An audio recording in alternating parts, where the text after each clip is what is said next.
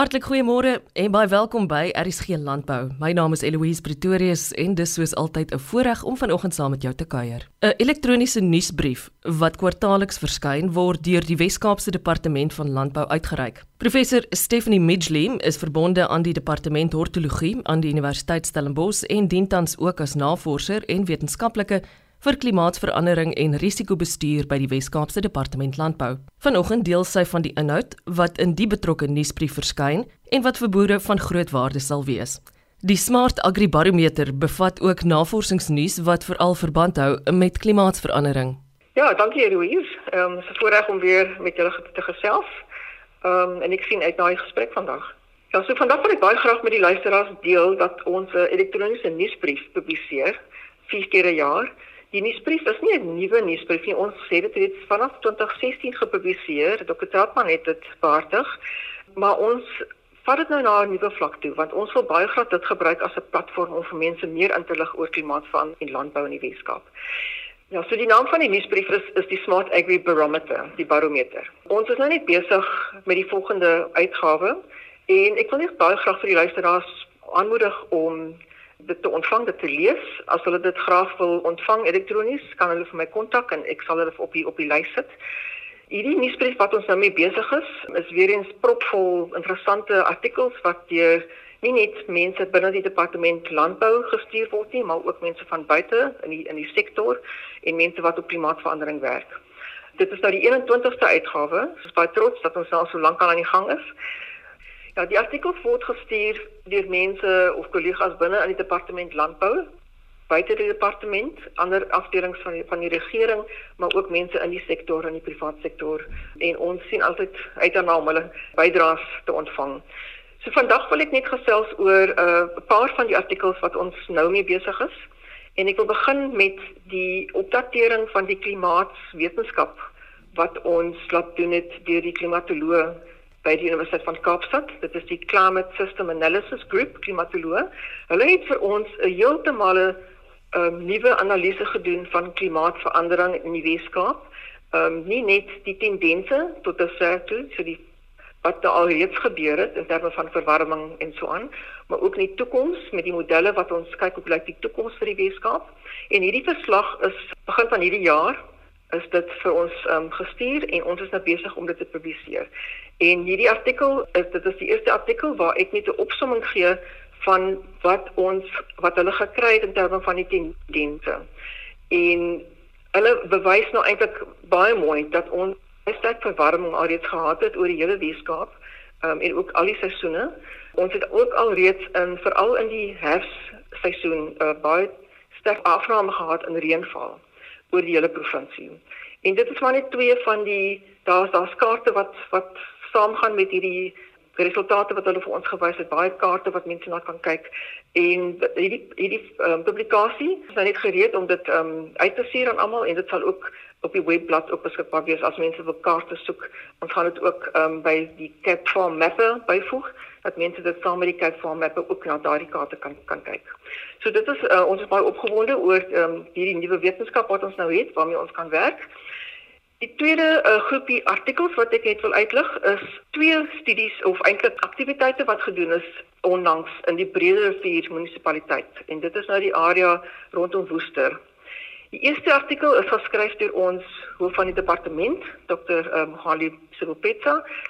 Hy was deel van 'n uh, aktiwiteit waar baie baie rolspelers van oor die hele munisipaliteit daar rondom Woester het bymekaar gekom en hulle het wat hulle noem 'n leerreis of 'n learning journey saam onderneem waar hulle rolspelers van nie net die uh, regering van die munisipaliteit uh, maar ook ander rolspelers wat belangstel in in voedselsekuriteit en volhoubaarheid van van ons voedselstelsel en spesifiek vir die Woester area wat werk in daardie spasie en wat byvoorbeeld ook uh, vroeë kinderontwikkeling en die skoolhoofde en en baie uh, mense wat betrokke is of uh, wat um, belangstel in hierdie probleem van voedselsekuriteit.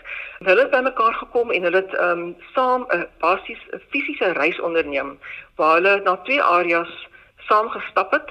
En die een was in 'n area van Parkersdam daar by Woester waar hulle gekyk het na die um, die handel, voedselhandel in Woester. Dit is nou die groothandel en die informele handel en hulle het met hulle eie oë gesien wat die probleme is met die met die mense gesels wat daar uh, met kos um, handel dryf en gekyk of basies agtergekom dat van die groot probleem is dat baie van die kos word ingevoer word gekoop gekoop in die Kaap of word ingevoer en dit is dit is die kos wat in die in die area geproduseer is.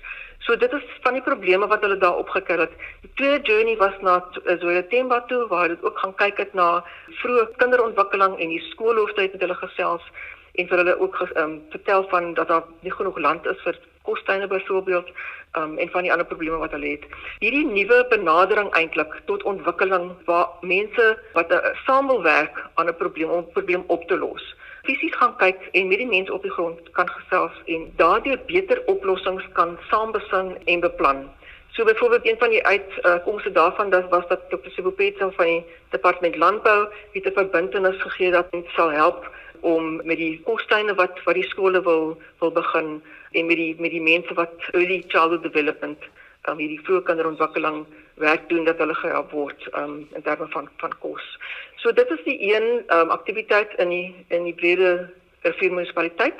Terselfdertyd was daar 'n ander aktiwiteit wat deur die African Climate and Development Initiative geloods is saam met Rhodes Universiteit.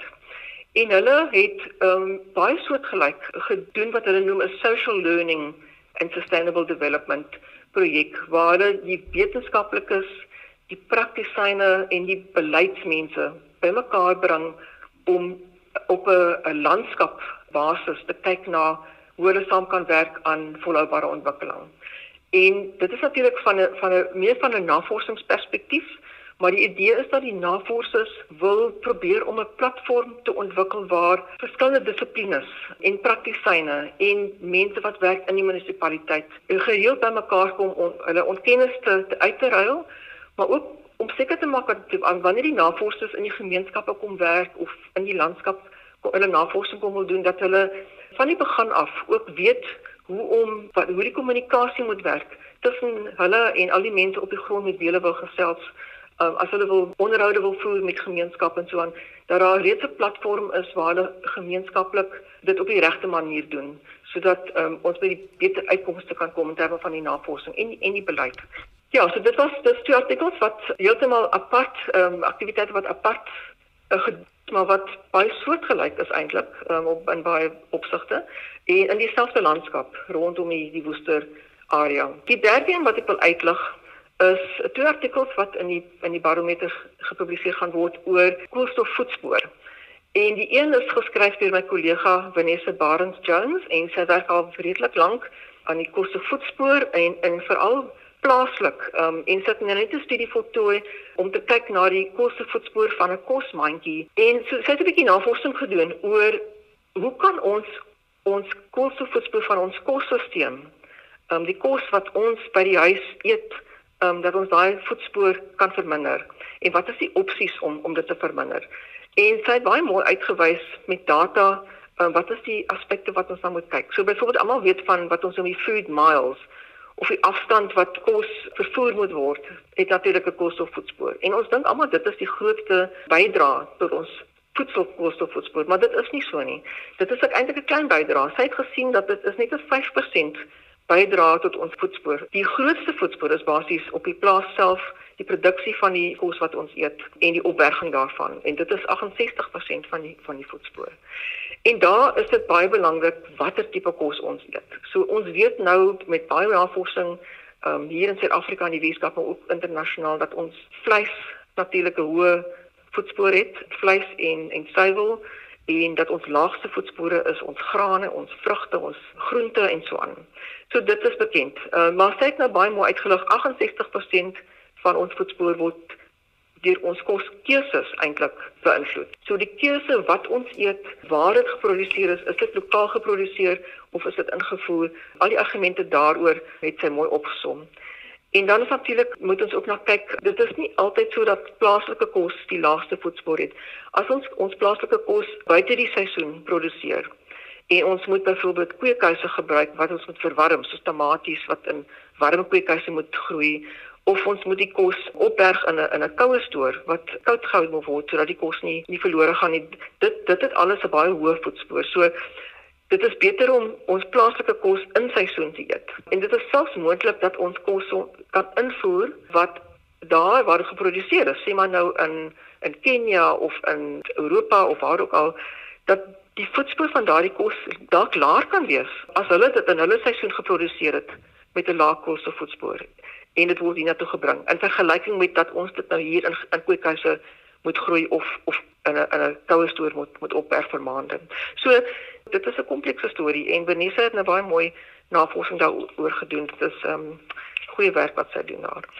Ja, en dan die ander een was werk wat gedoen word in die projek Confronting Climate Change en dit is natuurlik bedryfsinisiatief wat nou al reeds 10 jaar aan die gang is. Die CCC inisiatief is basies 'n koolstofvoetspoor kalkulator of 'n berekening van ons voetspoor in die vrugtebedryf as ook die wynbedryf en die nuutste gewas wat hulle na genaag gekyk het was bloubessies.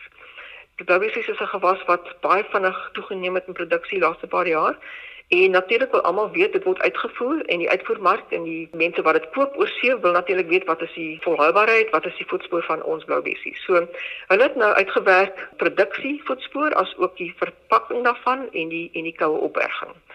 En hulle wys mooi dat dit is maar basies elektrisiteit wat ons grootste probleem is as dit kom by koolstofvoetspoor. Diesel is 32% en die stikstofbemesting is 19%. So daar is maniere wat ons die elektrisiteitsvoetspoor kan afbring, meer uh, slim werk met um, besproeiingspraktyke byvoorbeeld en so aan. Hulle gee daar 'n paar opsies wat wat boere kan kan na kyk as hulle hulle voetspoor wil wil afbring. Die ander een is natuurlik die verpakking en die verpakkingsmateriaal het 'n baie hoë voetspoor. Dit is 83% van die pakhuis se voetspoor is van die materiaal self. So oral in die wêreld probeer die blou besie produsente nou om volhoubare verpakkingsmateriaal te gebruik wat wat organies is, wat nie wat nie plastiek is nie. Ja, en so dit is 'n paar van die artikels wat ons nou hierdie in hierdie edisie, dis nou die die, die 21ste een wat ons nou gaan publiseer en ons wil mense aanmoedig om dit in die hande te kry. Ons sal dit baie graag vir hulle stuur elektronies en, en te lees en vir ons op terugvoering te gee of dit vir hulle uh, behulpsaam was of interessant was. Ons wil baie graag hoor van die luisteraars. Stephanie, dit klink alles ongelooflik interessant. Veronderstel ek moet onmiddellik die nuwe Smart Agri Barometer onder oë kry. Wat gaan die gouste manier wees om dit te doen? Mense kan vir my 'n e-pos stuur. Dit is Stephanie met 'n P H A N I E .midgley m i d g l e y @westerncape.gov.za. Of hulle kan my bel. My nommer hier by die werk is 021 808 5080 en ek sal vir hulle op die lys sit en dit vir hulle stuur. Professor Stephanie Midgley is verbonde aan die departement hortologie aan die Universiteit Stellenbosch en dien tans ook as navorser en wetenskaplike vir klimaatsverandering en risikobestuur by die Wes-Kaapse Departement Landbou. Taryn Wettergreen van Sati, oftewel die Suid-Afrikaanse tafeldryf industrie, sluit nou by ons aan om besonderhede te deel rondom vanjaar se inligtingsdae wat volgende week afskop.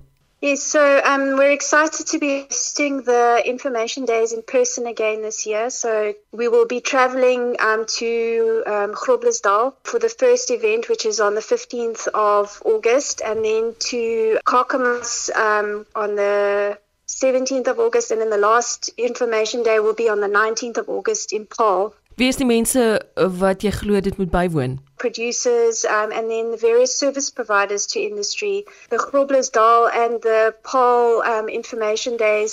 The target groups are specifically table grape producers or and table grape um, service providers. But the Carcamas one, we also have a. We would like to um, encourage raisin grape producers as well as service providers to attend because the program we try to make it relevant for them as well. En dan moet mense natuurlik ook registreer voor jy hierdie dae kan bywoon, hè. Yes, so um, registration can be done online on the SASEV website. It's sasev.org, www.sasev.org.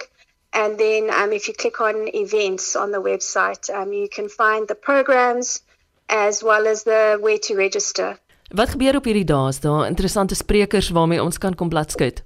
This year we've got Werner van Rooyen from FPF speaking at the Carcamas and the Groblersdal Day and his colleague Antoinette van Heerden speaking on the Paul Information Day. And then we've also got some international speakers who will talk a little bit about the markets. Some speakers from SATI talking about what's happening in table grapes, the, the sort of the table grape landscape. And then the, the second half of the, the part after lunch will um, focus more on the technical and scientific information. And then um, for that, we've we will be bringing out Dr. Marcus Keller from Washington State University, and he will do a nice presentation on heat, drought, and pre-harvest rain and how to manage those things. Darren herinner my tog weer waar registreer ek vir hierdie inligtingsdae? Uh, www.sasif.org. Click on events, and that will be the that will take you to the table grape information, table and raisin grape information day um, page. It's S A S E V. So gesels Taryn Wettergreen van die Suid-Afrikaanse Tafeldruif Industrie. Luister gerus weer na hierdie program of vind enige van ons ander na 'n besoek aan www.elsenburg.com. Ek is Eloise Pretorius en ek sien daarna uit om môre om kwart voor 12 weer by jou aan te sluit met nog landbou nuus. Intussen wens ek jou 'n besonderse Vrydag hier in die geselskap van RSG. Totsiens.